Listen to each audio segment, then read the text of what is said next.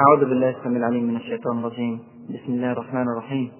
إن الحمد لله نحمده ونستعينه ونستغفره ونستهديه ونعوذ بالله من شرور أنفسنا ومن سيئات أعمالنا. إنه من يهده الله فلا مضل له ومن يضلل فلا هادي له. وأشهد أن لا إله إلا الله وحده لا شريك له وأشهد أن محمدا عبده ورسوله. اللهم آت نفوسنا تقواها وزكها أنت خير من زكاها أنت وليها ومولاها. اللهم اجعلنا هداة مهديين غير ضالين ولا مضلين. حربا لأعدائك سلما لأوليائك. نحبب بحبك من أطاعك ونعادي ونجاهد من خالفك. اللهم ارزقنا شهادة في سبيلك مقبلين غير مدبرين في غير ضراء مضرة ولا فتنة مضلة. وصل اللهم وبارك على سيدنا محمد وعلى آله وصحبه وسلم والحمد لله رب العالمين. ثم أما بعد فمع المحاضرة الخامسة من المحاضرات الخاصة بقضية فلسطين وتحدثنا في المحاضرة الرابعة عن مفهوم هام جدا من المفاهيم الخاصة بقضية فلسطين وهو مفهوم إسرائيل الكبرى. وذكرنا بعض الشواهد والقرائن والأقوال والأفعال التي تثبت أن هذا الفكر هو فكر حقيقي في أذهان اليهود وأن الخطر عظيم وأن الخط جلل وأنه إن لم يفق المسلمون فإن العواقب ستكون وخيمة ووخيمة جدا. وطوفنا بكم في ذهن زعيم الصهيونية تيودور هرزل وكيف بزغت في ذهنه فكرة إنشاء دولة يهودية وكيف بذل من أجلها مجهودا ضخما وسافر وحاور وناور ورغب أحيانا ورهب أحيانا أخرى ووصل هو وشركاؤه في النهاية إلى فكرة إنشاء الدولة اليهودية في فلسطين. إنه فكر وقدر فقتل كيف قدر ثم قتل كيف قدر. نعم فكر في عملية قرصنة عجيبة أن يخرج شعبا من أرضه ليستبدله بشعب آخر. وذكرنا في المحاضرة السابقة مؤتمر بال ومن دفق عنه من مخططات محكمة لإرساء دعائم الدولة اليهودية من تشجيع للهجرة وتنظيم لليهود وسعي وراء الاعتراف الدولي. وأشرنا أيضا إلى مواقفه مع الإنجليز وكيف اختارهم واختاروه لتنفيذ مصالح مشتركة. وأشرنا أيضا إلى موقفه من ألمانيا وكيف فتر القيصر الألماني عن مساعدته. ثم فصلنا في الموقف المتشدد للقيصرية الروسية ورفضها التام لمساعدة اليهود بل سارعت إلى ذبحهم وتشريدهم واضطهادهم في روسيا. وختمنا بموقف الدولة العثمانية الرائع حيال محاولة تيودور هرزل مع السلطان عبد الحميد الثاني رحمه الله وكيف رفض السلطان المسلم بشموخ وعزة العروض اليهودية المغرية. وأصبح من الواضح أن الخلافة العثمانية بقيادة السلطان عبد الحميد الثاني رحمه الله تقف كسد منيع أمام الأصناع الصهيونية. ومن ثم فكر اليهود في هدم هذا السد المنيع وقبل أن أدخل في تفصيل الكيفية التي حاول بها اليهود هدم الخلافة العثمانية أجيب عن سؤالين خاصين بالحلقة السابقة. السؤال الأول يسأل سائل ما الفرق بين اليهودية والصهيونية؟ في الحلقة السابقة كثيرا ما ذكرنا اليهودية وأحيانا نذكر الصهيونية. ما الفرق بينهما؟ اليهودية هي دين من عند الله سبحانه وتعالى. ولهذا الدين أنبياء كثر وأتباع كثر ونزل على موسى عليه السلام كتاب التوراة. وهو كتاب سماوي نؤمن أنه نزل من عند الله سبحانه وتعالى. لكن المشكلة الكبيرة أن هذه التوراة حرفت تماما وبدل فيها الكثير. ومن ثم أصبح من المستحيل معرفة ما جاء في التوراة. إلا ما ذكر رسول الله صلى الله عليه وسلم أنه جاء في التوراة كذا أو كذا. واليهود الذين يدينون باليهودية مشتتون في بقاع كثيرة في الأرض وابتلي المسلمون مؤخرا بتجمع بعضهم في فلسطين. أما الصهيونية فهي حركة سياسية تهدف إلى إنشاء وطن قومي لليهود في فلسطين وتأخذ اسمها من جبل صهيون المقدس عند اليهود والموجود في فلسطين. والصهيوني هو الذي يرغب في العودة إلى جبل صهيون أرض الميعاد حتى يقيم فيها دولة. ويرى المتطرفون من اليهود الصهاينة أنه لا يكفي أن تساعد اليهود على الرجوع إلى فلسطين حتى تكون صهيونيا بل لا بد من العودة بنفسك إلى فلسطين حتى تنال هذا اللقب. وكانت جولدا مائير تقول ليس اليهودي الفرنسي واليهودي الأمريكي واليهودي الإنجليزي بصهيوني إلا بعد أن يحزم حقائبه ويذهب إلى إسرائيل. ومن ثم فجميع اليهود الذين يستوطنون في فلسطين صهاينة وكثير من اليهود الذين يعيشون خارج فلسطين لا يطلق عليهم صهاينة حتى ولو كانوا يساعدوهم بالمال والرأي ولذلك فمن الممكن أن تقول أن كل الصهاينة يهود وليس كل اليهود صهاينة. أما السؤال الثاني فالحقيقة أن السائل بيلفت النظر إلى نقطة نسيت أن أشير إليها في الحلقة السابقة وهي ما هو المقابل الذي كان يريده تيودور هيتزل من السلطان عبد الحميد الثاني رحمه الله نظير هذه العروض المغرية والمتعددة؟ هل طلب فلسطين بكاملها؟ أم طلب القدس؟ أم طلب جزءا من فلسطين؟ والحق أن الإجابة على هذا السؤال توضح مدى ذكاء وإخلاص وعظمة السلطان عبد الحميد الثاني رحمه الله. وفي ذات الوقت فهي تثبت أيضا لتيودور هرزل الدهاء والمكر والحيلة. تيودور هرزل لم يطلب في مقابل هذه العروض المغرية إلا طلبين فقط. أولا مستعمرة صغيرة خارج القدس يستوطن فيها اليهود. ثانيا السماح لليهود بالهجرة إلى فلسطين. فهو لم يطلب فلسطين بكاملها ولا جزءا منها ولكنه طلب مستعمرة صغيرة فقط خارج القدس حتى يسهل على السلطان عبد الحميد الموافقة. كما طلب أن يسمح لليهود بالهجرة إلى فلسطين. فقد كانت الخلافة العثمانية كما ذكرنا في الحلقة السابقة لا تسمح بذلك أبدا مع العلم أن اليهود كانت لهم حرية الحركة داخل كل أملاك الخلافة العثمانية الواسعة الضخمة. وذلك لأن السلطان عبد الحميد رحمه الله لم يكن يخشى أن يقيم اليهود دولة في تركيا أو في سوريا أو في الحجاز ولكنه كان يخشى ويتوقع أن يقيم اليهود دولتهم في فلسطين. أيضا لم يكن السلطان عبد الحميد الثاني رحمه الله يمنع اليهود من زيارة فلسطين للأغراض الدينية ولكن يجب أن تكون الزيارة مؤقتة ومحددة بوقت ومكان معين. إذا لم يفلح ذكاء تيودور هرزل أمام إخلاص وذكاء السلطان عبد الحميد الثاني رحمه الله ورفض بيع فلسطين أو جزء منها ولو كان جزءا بسيطا. نعم بيعت بعد ذلك لليهود لكن البيع لم يسجل في صحيفة السلطان عبد الحميد الثاني رحمه الله بل سجل وما زال يسجل بأسماء آخرين ولا حول ولا قوة إلا بالله. نعود إلى موقف اليهود من هذا الجبل السلطان عبد الحميد الثاني. ومن الخلافة العثمانية الجامعة للمسلمين. تعالوا نشوف تخصيص اليهود. وهم قوم اشتهروا في كل تاريخهم بالدس والمؤامرة والتدبير والمكر. وإن كان مكرهم لتزول منه الجبال. أولا حاولوا في البداية أخذ الطريق الأسرع. مؤامرات متعددة لاغتيال السلطان عبد الحميد الثاني. لكن بحمد الله فشلت. هنا علم اليهود أن هذا الطريق السريع قد يغير من السلطان لكن لا يغير من واقع الدولة وسياستها.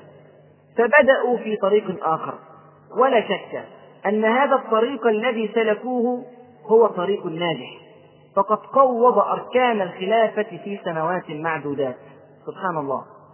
ولكن قبل الحديث عن هذا الطريق الخبيث دعونا نترك السلطان عبد الحميد الثاني رحمه الله ونترك تيودور هرزل والإنجليز وفلسطين ونسبح في أعماق التاريخ عشرات بل مئات السنين.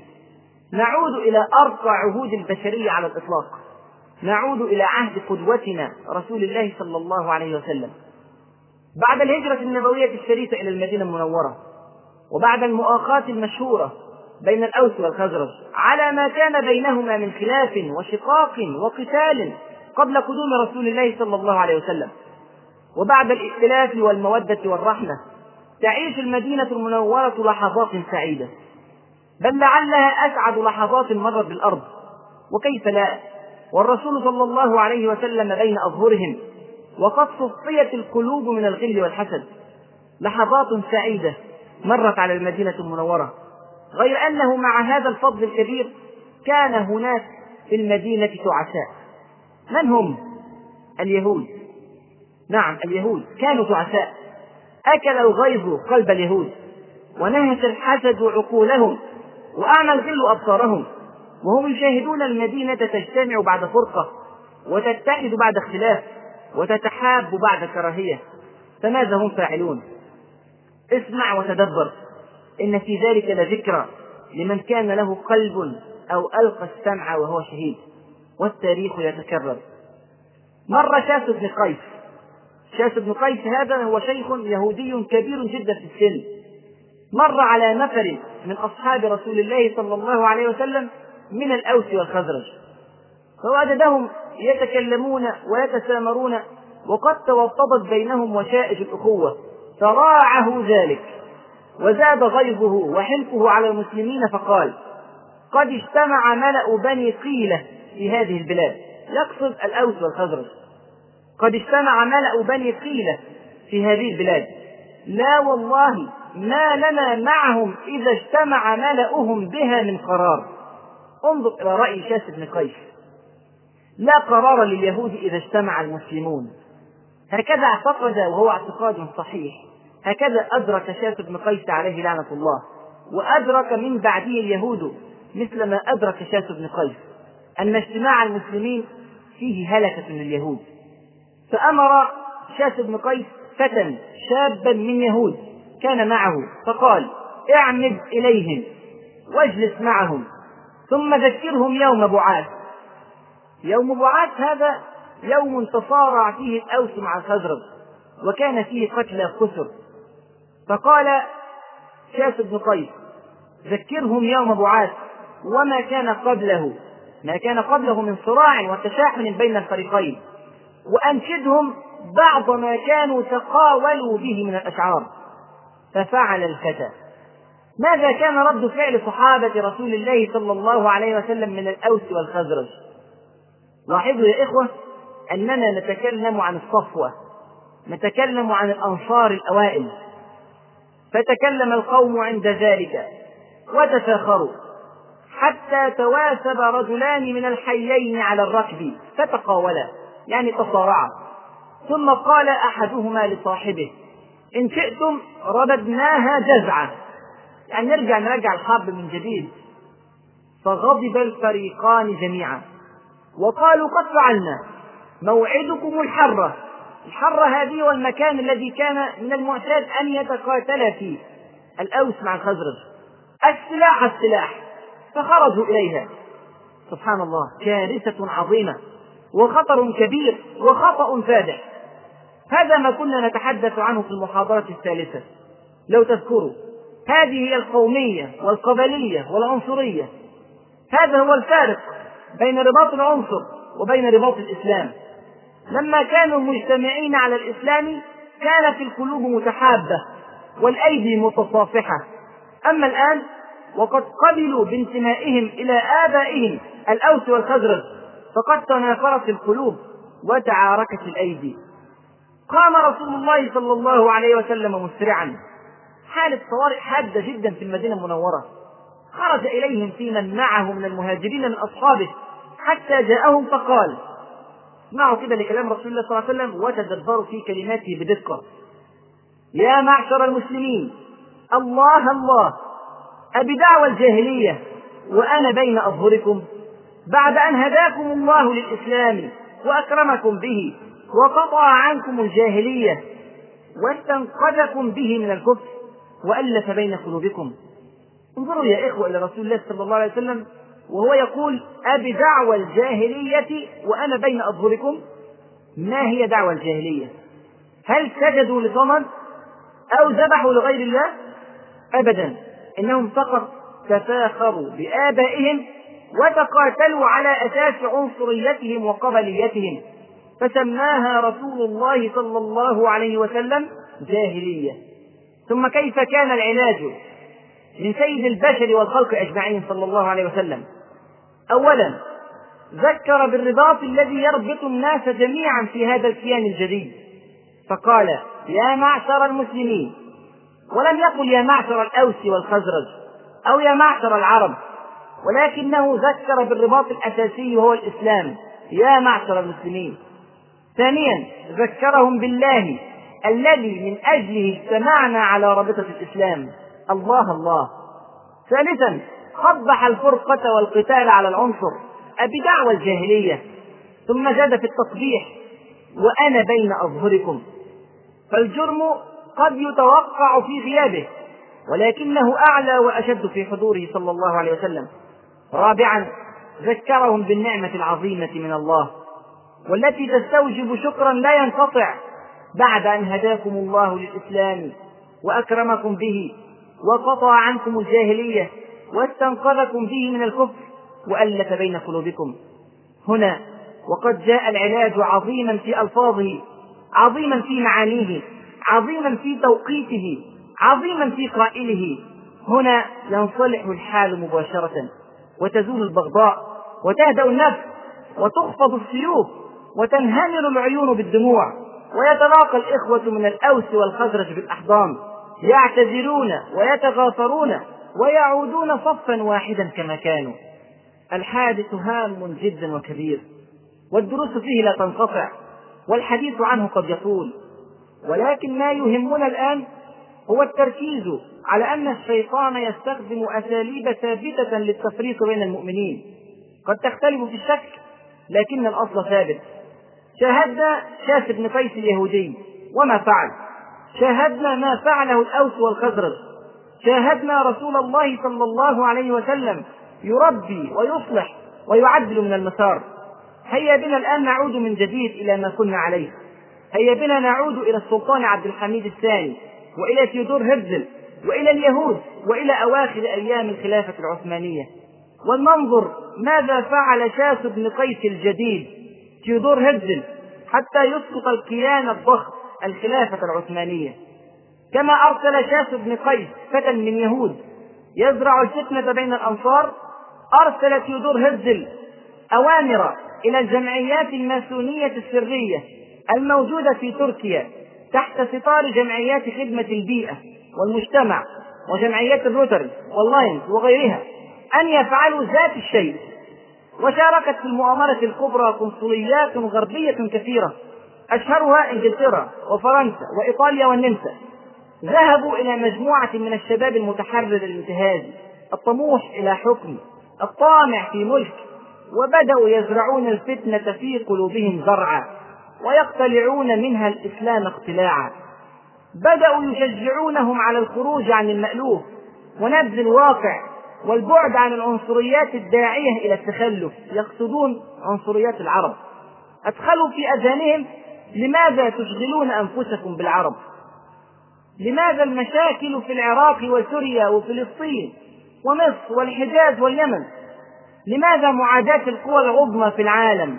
إنجلترا وفرنسا وروسيا وإيطاليا. لماذا السباحة ضد الطيار؟ ثم أي العناصر أشرف؟ هل أنتم أيها الأشراف الفاتحين العظماء الكبراء البشوات والبكوات أم أولئك العرب البدو والرحل؟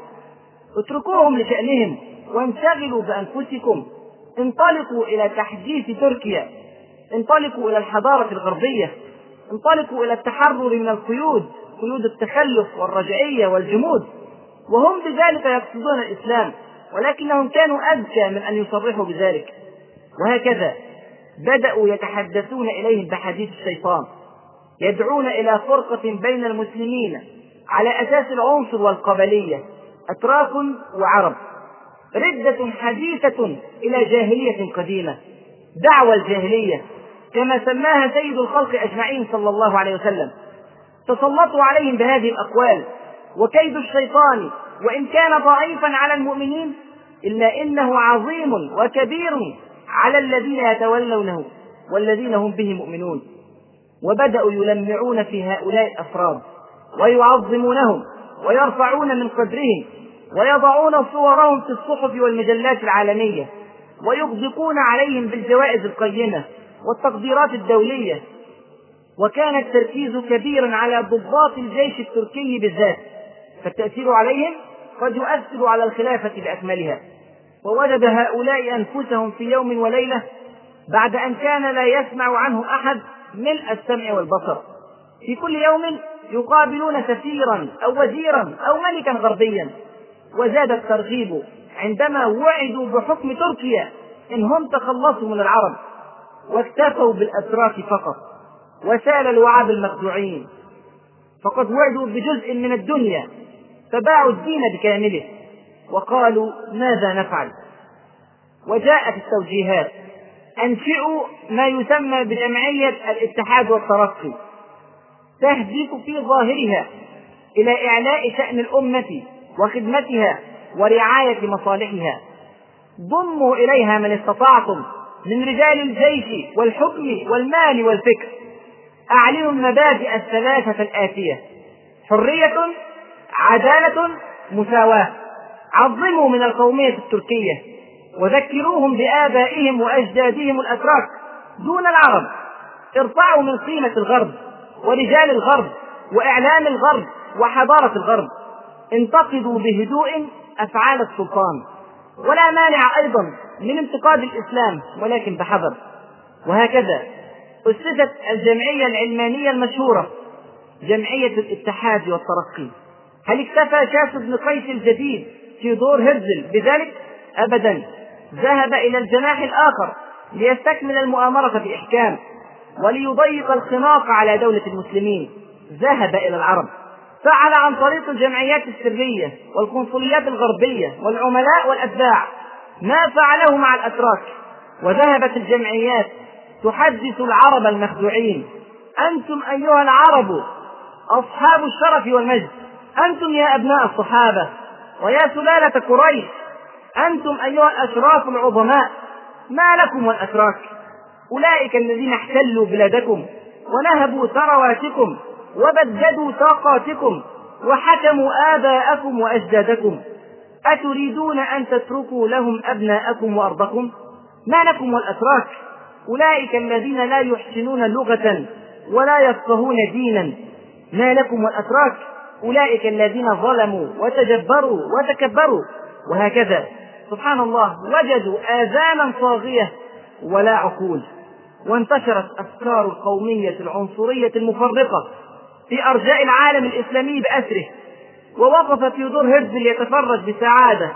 ويصفق للمختلفين ويعين المتصارعين وعمت الفتنة الأرض. ولكن سبحان الله أبى الله أن يريه نتائج مؤامرته فمات وهو في الرابعة والأربعين من عمره ودخل قبره وقامت قيامته ولقي ما هو مناسب لعقيدته وعمله. كان ذلك في سنة 1904 لكن الحق أنه قد أرسى دعائم قوية لأفكاره ومعتقداته وخططه.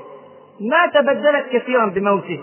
وخلفه على زعامة الصهيونية حييم وايزمان من زعماء اليهود المشهورين. حاول السلطان عبد الحميد الثاني رحمه الله أن يدعو الناس إلى ما دعا إليه رسول الله صلى الله عليه وسلم بالالتفات حول رابطة الإسلام لا رابطة العنصر فدعا إلى إنشاء ما يسمى بالجامعة الإسلامية. كيان كبير ضخم يضم كل البلاد الإسلامية في العالم تحت رعاية الخلافة العثمانية. يتبادل فيها المسلمون الرأي والعون لكن اعترضوا عليه. وازداد الموقف سوءا سواء في تركيا أو في بلاد العالم الإسلامي وبدأت جمعية الاتحاد والترقي. تشيع في الناس أن السلطان عبد الحميد هو سبب التخلف والرجعية. وأن أخطاءه كثيرة وأفعاله ذميمة لكن لم يطعنوا في الخلافة. بل قالوا من الأنسب أن يعزل ويأتي غيره. فعلوا ذلك مدعمين بكل القنصليات الغربية القوية. وانساق الشعب وراءهم ولا حول ولا قوة إلا بالله. لا شك أن الكلمات التي ألقاها رسول الله صلى الله عليه وسلم لتهدئة الوضع في المدينة المنورة بعد حادثة شاس بن قيس لا شك أن هذه الكلمات وقعت في تربة طيبة فأنبتت نباتا حسنا. ولو كان حديث رسول الله صلى الله عليه وسلم لأناس قد ملأت الدنيا قلوبهم وعقولهم وتحكمت الأهواء بأفعالهم وأقوالهم ما سمع أحد نصحه وما رعوى أحد بكلامه صلى الله عليه وسلم. إذا في حادثة شاس بن قيس الأولى كان الشعب مهيئا تربويا لتقبل نصح وإرشاد الدين ولذلك لم تنجح معه الفتنة. بينما من الواضح في قصة شاس بن قيس الجديد أن الشعوب الإسلامية لم تكن مهيئة لاستقبال قول الله وقول رسوله الكريم صلى الله عليه وسلم. لا شك أن الشعوب كانت مضللة فالشعوب المبصرة لا تخدع بالغوغاء والشعوب المتعلمة لا ترضى بديلا عن دينها وقيمها والشعوب الذكية لا تسمع لصوت أعدائها. هذه الأخطاء التربوية القاتلة. لا شك أنها تراكمات سنين وما كان ربك ليهلك القرى بظلم وأهلها مصلحون. المهم أنه بعد أن تشبع المسلمون بالأفكار الانفصالية قامت ثورات عدة على السلطان عبد الحميد الثاني رحمه الله.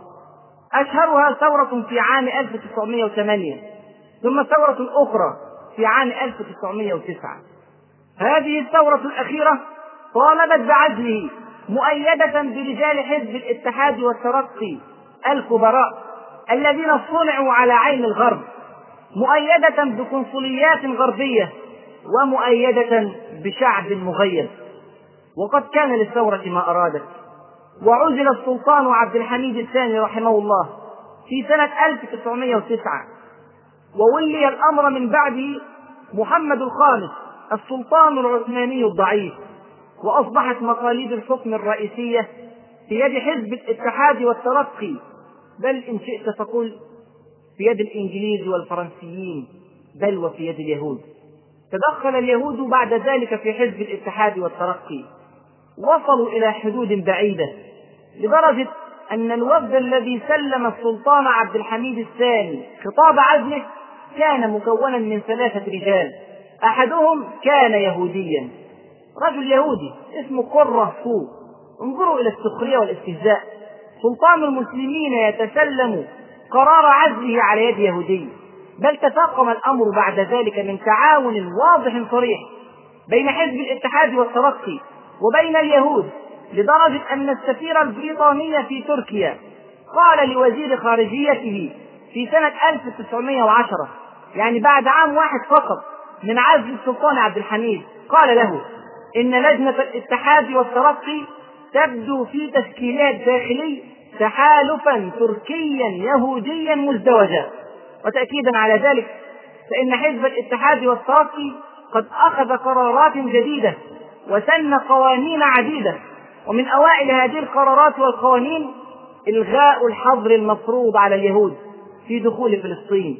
والسماح لهم بالهجرة وعزل حكام فلسطين العثمانيين الذين كانوا معروفين بكرههم لليهود وتولية آخرين يتفهمون السياسة الجديدة. وفتحت أبواب الهجرة اليهودية إلى فلسطين وانحدرت الأمة في طريق الهاوية وتلاحقت الأحداث بسرعة. تزامنت هذه الأحداث المتلاحقة في الخلافة العثمانية مع أحداث عالمية خطيرة. نذر الحرب العالمية الأولى بدأت تظهر. وتحالفت إنجلترا وفرنسا وروسيا ضد ألمانيا. ثم دخلت إيطاليا في التحالف الإنجليزي على وعد إطلاق يد إيطاليا في ليبيا. ووجدت جمعية الاتحاد والترقي الفرصة سانحة. أو قل وجد اليهود الفرصة سانحة للإجهاز على الخلافة العثمانية. فدفعوها دفعا للدخول في الحرب العالمية الأولى. وأخذت جمعية الاتحاد والترقي القرار بالانضمام إلى معسكر ألمانيا ضد إنجلترا وفرنسا وروسيا وإيطاليا. كل هذا وما زال هناك خليفة يحكم في الظاهر بينما تدار الأمور في الخفاء بأيدي اليهود عن طريق جمعية الاتحاد والترقي. وبدأت الحرب العالمية الأولى في سنة 1914 واستمرت إلى سنة 1918 وفي هذه السنوات الأربع وضعت علامات بارزة وأسس قوية لإنشاء دولة اليهود في داخل فلسطين. أولا توالت الهزائم للخلافة الإسلامية العثمانية.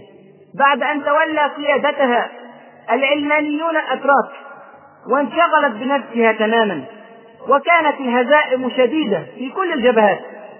في منطقة البلقان وشرق أوروبا تأثرت الخلافة العثمانية جدا بتحالف صربيا وبلغاريا واليونان. والجبل الأسود واستطاعوا هزيمتها والاستقلال عنها.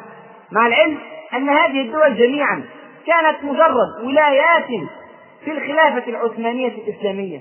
الجيش الروسي يأكل آسيا الوسطى ويسيطر على القوقاز إنجلترا وفرنسا وإيطاليا يهاجمون تركيا. إيطاليا تفترس في ليبيا. وبذلك يجرى تحطيم الخلافة العثمانية التي تحمي فلسطين. ومع ذلك فقد وجهت الخلافة العثمانية ثلاثة جيوش لحماية منطقة الشام وفلسطين. لا يتسع طبعا المجال لذكر تداعيات هذه الهزائم وتفصيلاتها وسنفرد لها حديثا آخر إن شاء الله في وقت لاحق.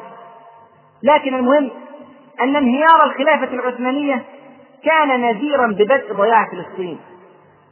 ثانيا مع كل هذه الكوارث إلا أن الأيام تحمل للمسلمين آلاما أشد وجروحا أعمق كارثة جديدة كبيرة.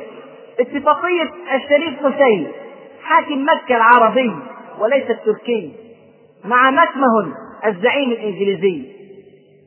الشريف حسين عنده نوازع قومية عربية استقلالية والحرب دائرة بين الخلافة العثمانية وإنجلترا. وهو الآن يمثل معارضة ضد النظام الإسلامي الحاكم. لماذا لا يضع الإنجليز أيديهم في يده ليتعاونوا في هدف واحد؟ هو إسقاط النظام الحاكم المسلم وتقاسم الكعكة بعد ذلك والكعكة بكاملها إسلامية. اتفاقية الشريف حسين مع مكمه الإنجليزي تمت بتدبير من ضابط المخابرات الإنجليزي الجنسية اليهودي الديانة لورنس ضابط مشهور جدا في تاريخنا. الاتفاقية تمت في سنة 1915 وفيها تعرض إنجلترا على الشريف حسين وعودا ضخمة جدا. واحد إنشاء مملكة للعرب. يكون الشريف حسين ملكا عليها. هذه المملكة تضم الحجاز والعراق وسوريا والأردن وعاصمتها مكة المكرمة. زادها الله تكريما وتعظيما. يعدهم ويمنيهم وما يعدهم الشيطان إلا غرورا. اثنين استثناء بعض الأماكن لا تعطى في المملكة. ولا ندري أذكر سبب الاستثناء في الاتفاقية أم لا؟ ولكن الأيام وضحت. لماذا تم الاستثناء؟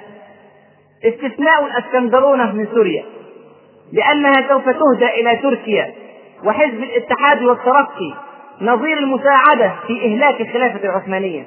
لبنان المسلمة تستثنى لأنها ستحول إلى دولة موالنة تحت رعاية فرنسية. فلسطين المسلمة تستثنى أيضا لا تدخل في المملكة العربية لأنها تجهز لتكون وطنا لليهود. ثلاثة التعاون الاقتصادي بين المملكة العربية التي سوف تقوم والمملكة البريطانية. تعاون اقتصادي يعني انجلترا هتصنع والمملكة العربية تشتري. أربعة تعاون عسكري بين المملكتين. وطبعا التعاون العسكري يعني الحماية الإنجليزية للمملكة العربية في نظير حماية المصالح الإنجليزية في المنطقة الإسلامية. وإلا لا يتخيل أحد أنه لو حدث هجوم على لندن مثلا أن يتحرك الشريف حسين بقواته لنجدة الإنجليز هناك في مقابل ماذا؟ هذه العروض السخية من الإمبراطورية الاستعمارية البريطانية في مقابل أن يحمل الشريف حسين سيفه ومدفعه ويأخذ أحبابه وأصحابه وأهله وجيشه وقومه ويضرب الخلافة العثمانية الإسلامية في ظهرها. بينما الخلافة العثمانية تحارب في الغرب والشمال أوروبا الشرقية وإنجلترا وفرنسا وإيطاليا. وبينما تحارب في الشرق روسيا القيصرية يأتي الشريف ويطعن في الجنوب يضرب الجيش التركي المسلم في الشام وفلسطين. لكن لا يجب طبعا أن يخرج في صورة الخارج عن النظام. والراغب في هدم الكيان والساعي إلى نصرة الصليبيين. لا فلنطلق على هذا الخروج اسما جميلا حضاريا الثورة العربية الكبرى. ثورة كما يقولون على الظلم والاستبداد واحتلال الأتراك للعرب وتحركت الجيوش العربية بقيادة من؟ بقيادة الأمير فيصل ابن الشريف حسين إلى الشام لحرب الجيوش العثمانية المسلمة. وفي ذات الوقت تحركت الجيوش الإنجليزية والفرنسية لتساعد الثورة العربية الكبرى على زعمهم. إذا في أيام الحرب العالمية الأولى حدثت أمور خطيرة. كما ذكرنا أولا تدمير القوة العسكرية العثمانية في أوروبا وآسيا. ثانيا معاهدة الشريف حسين مع ماكمهون ثالثا أمر جديد خطير. معاهدة الشريف حسين مع ماكمهون وإن كانت قد أثبتت أن الإنجليز يتعاملون بدهاء شديد مع المسلمين ويضربون على أوتار حساسة بينما المسلمون غافلون عن أسباب قوتهم. لكن الإنجليز أثبتوا أنهم لا يتمتعون فقط بقدر عظيم من الدهاء بل يتمتعون أيضا بقدر أكبر من الخسة والنزالة والكذب والخداع. بعد هذه الاتفاقية المشبوهة مع الشريف وبعد تحرك الجيوش العربية لضرب الجيوش العثمانية المسلمة فعل الإنجليز شيئا آخر أشد وأبشع. ما هو؟ يعرف في التاريخ باسم معاهدة سايكس بيكو المشهورة سنة 1916 بعد شهور قليلة من معاهدة الشريف حسين مع مكماهون معاهدة سايكس بيكو تمت هذه المعاهدة في بطرسبرج بروسيا بين إنجلترا وفرنسا. مثل فيها إنجلترا مارك سايكس المندوب الثاني لشؤون الشرق الأدنى. ومثل فيها فرنسا جورج بيكو قنصل فرنسا السابق في بيروت. واتفق الطرفان على تقسيم أملاك الخلافة العثمانية بينهم بعد أن يتم النصر عليها. فاتفقوا على أن تفرض إنجلترا حمايتها واحتلالها على العراق والأردن. وتفرض فرنسا حمايتها واحتلالها على سوريا ولبنان بينما تصبح لفلسطين إدارة دولية باستشارة روسيا. وهكذا قسم الإنجليز والفرنسيون البلاد التي وعدت إنجلترا بإعطائها للشريف حسين. كانت المعاهدة معاهدة سايكس بيكو كانت سرية غير معلنة لكن روسيا سربت أخبارها. ولما وصلت الأخبار إلى الشريف حسين انزعج بشدة وتحدث مع الإنجليز فقالوا له بمنتهى الثقة لم يحدث شيء من هذا ونحن على وعدنا معك فما كان منه إلا أن اطمأن واستراح. إذ كيف يمكن أن يتخيل أن تخونه الدولة الصديقة إنجلترا ونسي قول الله سبحانه وتعالى أو كلما عاهدوا عهدا نبذه فريق منهم بل أكثرهم لا يؤمنون. ونسي قوله تعالى لا يرقبون في مؤمن إلا ولا ذمة وأولئك هم الفاسقون. رابعا تأتي سنة 1917 في أيام الحرب العالمية الأولى وهي تحمل معها كوارث جديدة كثيرة للمسلمين عددت منها أربعة. الكارثة الأولى وعد بلفور وبلفور هذا هو وزير خارجية بريطانيا آنذاك. ووعده هذا عبارة عن خطاب أرسله إلى اللورد اليهودي روتشيلد الممول اليهودي المشهور مؤرخا بتاريخ 2 نوفمبر سنة 1917 مجرد خطاب لا يحمل أي صبغة قانونية. ومع ذلك أصبح الأصل الرئيسي الذي يعتمد عليه اليهود في إقامة دولتهم. قال بلفور في خطابه أو في وعده إن حكومة جلالة الملك تنظر بعين العطف إلى إقامة وطن قومي في فلسطين للشعب اليهودي. وسوف تبذل خير مساعيها لتسهيل بلوغ هذه الغاية. ثم انظروا إلى التحذير الرحيم من بلفور. وليكن معلوما أنه لا يسمح بإجراء شيء يلحق الضرر بالحقوق المدنية والدينية للطوائف غير اليهودية الموجودة في فلسطين الآن. يا سلام على الرحمة الإنجليزية. لا يمكن أبدا يضر المدنيين والحقوق الدينية. سيرسلون البوارج تدمر والطائرات تقصف والمدافع تدك والجنود تقتل وتذبح. لكن سيرسلون معها الغذاء والدواء والكساء. رحمة. ولكن من منظور الشيطان. ثم انظر إلى تضليلهم عندما قالوا للطوائف غير اليهودية الموجودة في فلسطين الآن. هذه الطوائف غير اليهودية هم أصحاب البلد الأصليين. هذه الطوائف غير اليهودية تمثل 92% من سكان فلسطين. مع أن كلمة طوائف تعطي انطباعا أنهم أقلية لكنه خداع اللفظ وغياب الضمير. لاحظ أنه في هذا التوقيت الذي صدر فيه ما يسمى بوعد بلفور لم تكن انجلترا تملك شيئا في المنطقة. لم تكن جيوشها قد دخلت بعد فلسطين. لم يكونوا يملكون شبرا في فلسطين. ومع ذلك وعدوا اليهود بها. وهكذا صدق عليهم قول القائل أعطى بلفور ما لا يملك لمن لا يستحق. طبعا فرنسا وافقت على وعد بلفور مباشرة في سنة 1918 بعد الوعد بثلاثة شهور. ووافقت أمريكا رسميا عليه في سنة 1922 بعده بأربع سنوات. من الممكن أن يطرأ في الذهن سؤال لماذا تعجلت بريطانيا بإعطاء وعد بلفور لليهود قبل دخول الجيوش البريطانية إلى فلسطين؟ الجيوش على الأبواب وأصبح الدخول وشيكا جدا والوعد ستكون له مصداقية أكبر لو كان الإنجليز يملكون البلاد. فلماذا تعجلوا في إعطائه؟ قبل أن يدخلوا إلى فلسطين. الواقع أن المصالح تحكم كل شيء في تصرفات هذه الدول الاستعمارية. إنجلترا كانت تسابق الزمن لأن أمورا أخرى سوف تتجدد على الساحة قريبا وهي تريد شراء ود اليهود إلى أقصى درجة. أولا في هذا التوقيت رأت إنجلترا أن ألمانيا والنمسا بدأتا تتقربان من اليهود أثناء الحرب.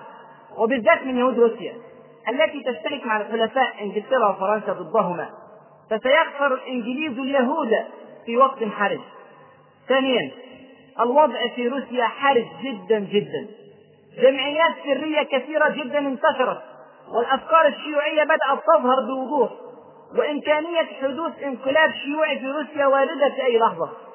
والإنجليز يعلمون أن اليهود وراء ذلك كله فإذا قامت الثورة الشيوعية فإنها ستسمع وتطيع لليهود وبذلك قد يأمر اليهود بانسحاب روسيا من الحرب العالمية الأولى وبذلك تضعف الجبهة الشرقية للحلفاء ثالثا إنجلترا تعلم أن لليهود تاثيرا خاصا على الأمريكان وقد بلغ هذا التأثير مداه لما دفع اليهود الأمريكان للاشتراك في الحرب العالمية الأولى إلى جانب الحلفاء ولا بد من مكافأة سريعة كي تستمر أمريكا في القتال.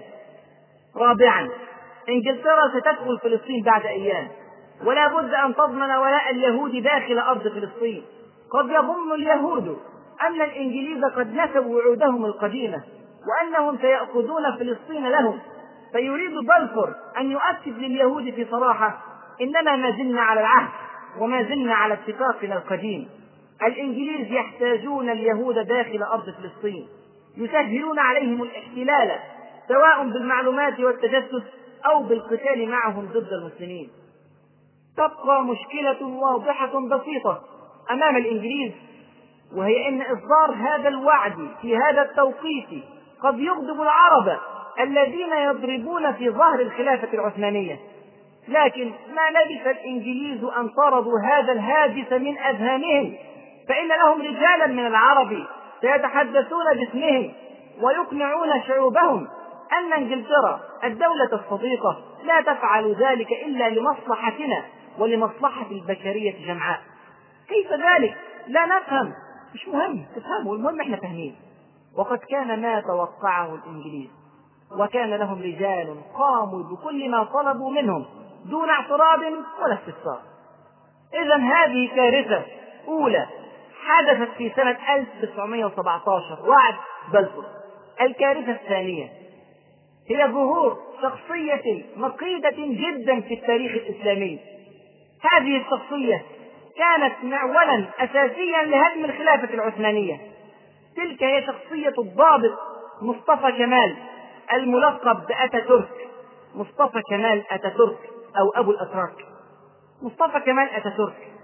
كان قائد الجيش العثماني في منطقة فلسطين وكان عضوا في جمعية الاتحاد والترقي مشبعا بكل الأفكار العلمانية التي زرعها اليهود والأوروبيون في هذه الجمعية راغبا في حكم قومي على أنقاض الخلافة العثمانية.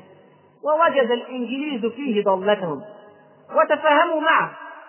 طبعا الإنجليز فاهمين أتاتورك أرض لا تغيب عنها الشمس. وحضارة لم تسبق وغاية يحلم بالوصول إليها وكان لقاء شيطانيا. اتفقوا على أن ينسحب مصطفى كمال أتاتورك العلماني من أرض فلسطين فاتحا المجال لجيوش الإنجليز الصليبيين أن تدخل إلى فلسطين ومعرضا مئة ألف جندي تركي للوقوع في يد الإنجليز.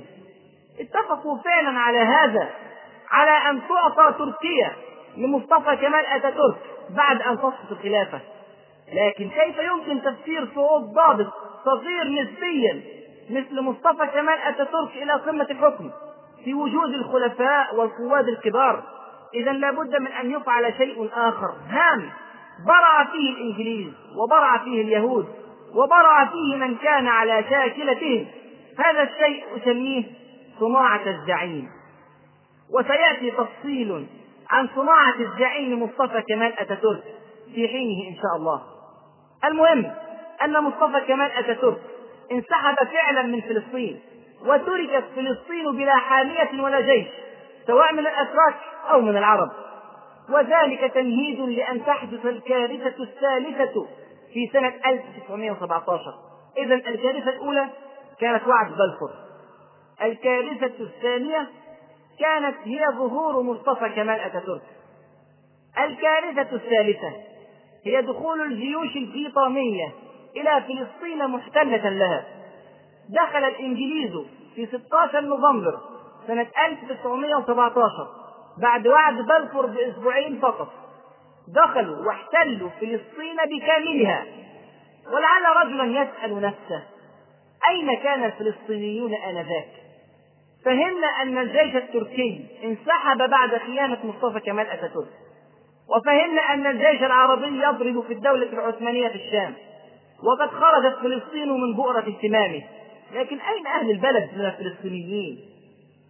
الواقع أن أهل البلد كانوا أحد رجلين. إما عاجز وإما مخدوع العجز جاء من كون فلسطين لا تملك جيشا ولا تملك حاكما قائدا.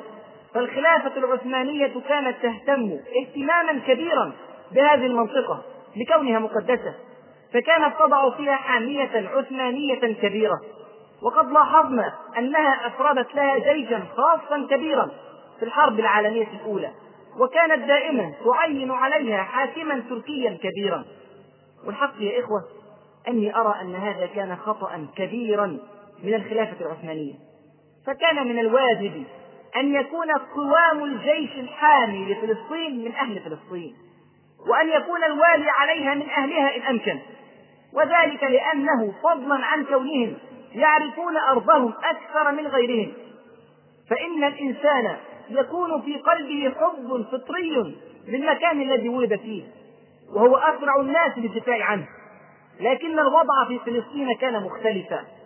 أهل البلد لا يملكون سلاحا ولم يتدربوا عليه إن وجد ولا يملكون فكرا عسكريا ولا تخطيطا استراتيجيا وهو خطأ لا بد أن يعلم. ولكن المشكلة الأكبر في فلسطين لم تكن فقط كون الشعب عاجزا عن الدفاع عن نفسه ولكن المشكلة الحقيقية كانت في كون الشعب مخدوعا بأفكار عجيبة وآراء غريبة كانت سببا مباشرا في الاحتلال الإنجليزي لفلسطين. مؤامرة فكرية كبيرة كانت تخطط في فلسطين كما كانت تخطط في كل البلاد العربية والتركية. ما هذه الأفكار والآراء؟ ببساطة شديدة القومية العربية. فكما كانت تنتشر في البلاد العربية فكرة القومية العربية وفكرة الاستقلال عن الخلافة العثمانية وفكرة التمسك بالآباء والأجداد دون الدين كانت أيضا هذه الأفكار تنتشر في فلسطين وكانوا يحلمون بأن يقودهم الشريف حسين بدلا من الخليفة العثماني. إنجلترا الشيطان الأوروبي المحتل لعبت على هذا الوتر. دخلت الجيوش البريطانية فلسطين موهمة أهل البلد أنها ما دخلت إلا لتحرر البلاد والعباد من بطش الأتراك الظالمين ومن جيش الأتراك المحتل. ما دخلت إلا بدافع الشفقة عليهم والحرص على مصالحهم. ما دخلت إلا لتسلم فلسطين بعد ذلك إلى الشريف حسين لتصبح جزءا من مملكة عربية موحدة. قالت لهم إنجلترا ذلك فصدقوها وفتحوا لها الأبواب ونسوا ما قاله وزير خارجية بريطانيا بلفور في وعده لليهود وما مر عليه أكثر من أسبوعين. صدقوا إنجلترا وأفتحوا الطريق للمدرعات والجنود الإنجليز. ودخل اللانجي الجنرال الإنجليزي القدس وقال أول ما قال الآن انتهت الحروب الصليبية. القضية في منتهى الوضوح عند الإنجليز. الآن انتهت الحروب الصليبية. لا شك أن الشعب الفلسطيني كان يعاني من غفلة سياسية واضحة. ولا بد كي يمكن الإنجليز أو اليهود أن يكون هناك أخطاء للمسلمين. فإنهم لا ينصرون علينا بقوتهم ولكن بضعفنا. أضرب مثالا على هذه الغفلة. كونت في فلسطين في الأيام السابقة للاحتلال الإنجليزي جمعية تضم كبار السياسيين في فلسطين من أهل فلسطين حتى أنه كان فيها مفتي القدس الشيخ أمين الحسيني وهو رجل اشتهر بالذكاء والحمية والإخلاص لكنه خدع في البداية كما خدع الآخرون. كونت هذه الجمعية للتفكير في وضع فلسطين وشأن فلسطين لكنها للأسف كونت على أساس قومي تماما لا على أساس إسلامي لدرجة أن اسمها كان الجمعية الإسلامية المسيحية. وكدليل على غفلة هذه الجمعية وقلة فقهها للأحداث وقصد نظرها في رؤية المستقبل أصدرت هذه الجمعية بيانا بعد عام كامل من دخول الجيش الإنجليزي إلى فلسطين. بمناسبة مرور عام على دخول إنجلترا لفلسطين أصدرت هذا البيان في 16 نوفمبر سنة 1918 قالت فيه اسمعوا كده الكلام وتدبروا في وضع المسلمين آنذاك. تقول الجمعية في البيان في مثل هذا اليوم السعيد من السنة الماضية دخل الجيش البريطاني المظفر مدينة يافا. رافعا ألوية النصر لتحريرنا نحن العرب من ظلم الأتراك. وقد أقمنا هذه الحفلة لنقدم لجلالة الملك طبعا ملك بريطانيا وسعادة الجنرال اللمبي وسائر أمراء وأفراد الجيش المظفر مزيدا من التبريك. راجين من الله دوام نصره وتوفيقه لدولة بريطانيا العظمى الناصرة للأمم الضعيفة المظلومة. سبحان الله. من الغريب جدا أن يكون هذا البيان صادرا عن مجموعة من العقلاء الذين يقتنعون بأن حل القضية بيد الإنجليز مع أن الإنجليز هم السند الرئيسي لليهود في ذلك الوقت خاصة وأن ذلك البيان صدر بعد وعد بلفور. وإن كان يستغرب ذلك فما أشبه اليوم بالبارحة.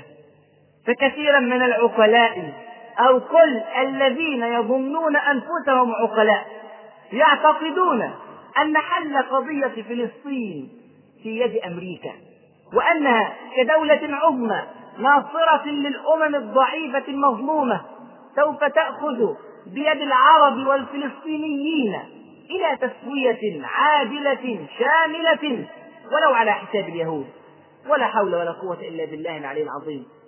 المهم أنه في فلسطين أدى العجز وأدت الغفلة إلى سهولة دخول الإنجليز محتلين إلى هذه البلاد المقدسة وتحققت الكارثة الثالثة الكبرى احتلال فلسطين. طبعا سيتغير موقف كثير من هذه الشخصيات بعد ذلك. عندما يشاهدون الظلم الإنجليزي والتغلغل اليهودي وسيكون منهم إن شاء الله المفتي أمين الحسيني. إذا إلى الآن ذكرنا ثلاث كوارث في أواخر سنة 1917 وسبحان الله كأنها ليست كافية لضياع فلسطين. فيبتلى المسلمون بكارثة رابعة وكعادة المخدوعين ظنوها نصرا وعلقوا عليها آمالا. تلك الكارثة الرابعة كانت قيام الثورة الشيوعية البلشفية في روسيا القيصرية. واحد يقول طب إحنا مالنا ومن روسيا. قيصرية ولا شيوعية؟ فرقت معنا إيه؟ أقول لا. كانت هناك تداعيات خطيرة لقيام هذه الثورة الشيوعية. وهذه التداعيات كان لها أثر مباشر على قضية فلسطين. أولا من قام بالثورة الشيوعية البلشفية؟ من دفعها وحركها. من هدم أركان الحكم الأرثوذكسي النصراني القيصري القوي في روسيا. إنهم اليهود. نعم اليهود. تذكرون الموقف المتشدد لروسيا الأرثوذكسية؟ من اليهود. تذكرون القتل والإضطهاد الذي كانت تقوم به روسيا لمواطنيها اليهود. تذكرون اللقاء العجيب بين تيودور هرزل زعيم الصهيونية وبين وزير المالية الروسي ويت لهذا كله سعى اليهود سعيا حثيثا لإسقاط القيصرية الروسية وإنشاء كيان جديد بدلا منها. ماذا فعلوا؟ نشروا الأفكار الماركسية الشيوعية أفكار كارل ماركس اليهودي وألبوا الثورة في أركان البلاد وحرضوا الفقراء على الأغنياء ونادوا بشيوع كل شيء. بدءا بالمال والملكية وانتهاء بالنساء ونشروا الأفكار الملحدة وقادوا ردة ما حدثت من قبل في العالم بأسره إذ أنكروا بالكلية وجود الله ووجدوا من الشعب آذانا صاغية وحدث الانقلاب الرهيب الدامي. قاد لينين الشيوعي تلميذ كارل ماركس الثوار وأسس الاتحاد السوفيتي. على أنقاض روسيا القيصرية. وتكون المجلس الشيوعي الحاكم الأول من سبعة أفراد. أربعة منهم من اليهود. والخامس ستالين متزوج من يهودية. والسادس لينين والسابع رجل روسي نصراني. وكونت أول وزارة شيوعية. تضم بين أفرادها سبعة عشر وزيرا يهوديا. من أصل اثنين وعشرين وزيرا وانفتحت الدنيا لليهود في الاتحاد السوفيتي. وتحكموا في معظم وسائل الإعلام هناك ومعظم بيوت المال ومعظم المشاريع الكبرى هناك. وفتحوا أبواب الهجرة لفلسطين. وسوف يكونون من أشد أعوان اليهود في فلسطين بعد ذلك. بل وسيكونون ثاني دولة تعترف بقيام دولة إسرائيل بعد أمريكا. في سنة 1948 ثانيا كان لينين الرهيب من أشد الناس دموية في التاريخ. لا يفوقه إلا صديقه ستالين. فقد قتل لينين ثمانية ملايين في بدء حكمه معظمهم من المسلمين. ثم قتل ستالين في فترة حكمه ما يقرب من عشرين مليونا من البشر. أيضا في المعظم من المسلمين. وبذلك شغل المسلمون بتلك المصائب العظيمة عن قضية فلسطين. ثالثا غير أن أخطر آثار الثورة البلشفية الشيوعية هي انتشار الأفكار الملحدة والقوانين الفاسدة ليس فقط في كثير من بلاد العالم ولكن في البلدان الإسلامية والعربية. فكانت طامة كبرى على المسلمين فقد حكموا في بلدان عدة بمن يؤمن بمبادئ الاشتراكية والشيوعية المفسدة. وتأثرت فلسطين بذلك كما تأثرت بقية بلدان العالم الإسلامي. وهكذا فإن ظهور الثورة الشيوعية اليهودية في سنة 1917 في روسيا أدى إلى تداعيات خطيرة في كل المنطقة ليس فقط في زمنها ولكن لسنوات متعددة بقيت تعاني منها الأمة الإسلامية في كثير من بلاد العالم الإسلامي ومنها فلسطين. وهكذا انتهت سنة 1917 وقد حدثت فيها كل هذه المصائب. وجاءت سنة 1918 وانتهت الحرب العالمية الأولى وبدأت الأمور تتضح في المنطقة بعد كل هذه التشابكات. ترى ما هو موقف إنجلترا وفرنسا وأمريكا وروسيا بعد انتهاء الحرب وبعد الانتصار على الخلافة العثمانية وعلى ألمانيا. ترى ما هو موقف الشريف حسين بعد أن دخل الإنجليز الأرض الإسلامية. ترى كيف صعد مصطفى كمال أتاتورك إلى كرسي الحكم في تركيا وكيف صنعوا منه زعيما. ترى ماذا فعل هذا العميل الخائن مصطفى كمال أتاتورك في تركيا بعد ولايته. ترى ماذا فعل اليهود بعد أن دخل الإنجليز أرض فلسطين. وترى كيف حولت وهودت أرض فلسطين بعد ذلك. هذا ما نتداوله وغيره إن شاء الله في المحاضرة القادمة. أقول قولي هذا وأستغفر الله لي ولكم وجزاكم الله خيرا كثيرا.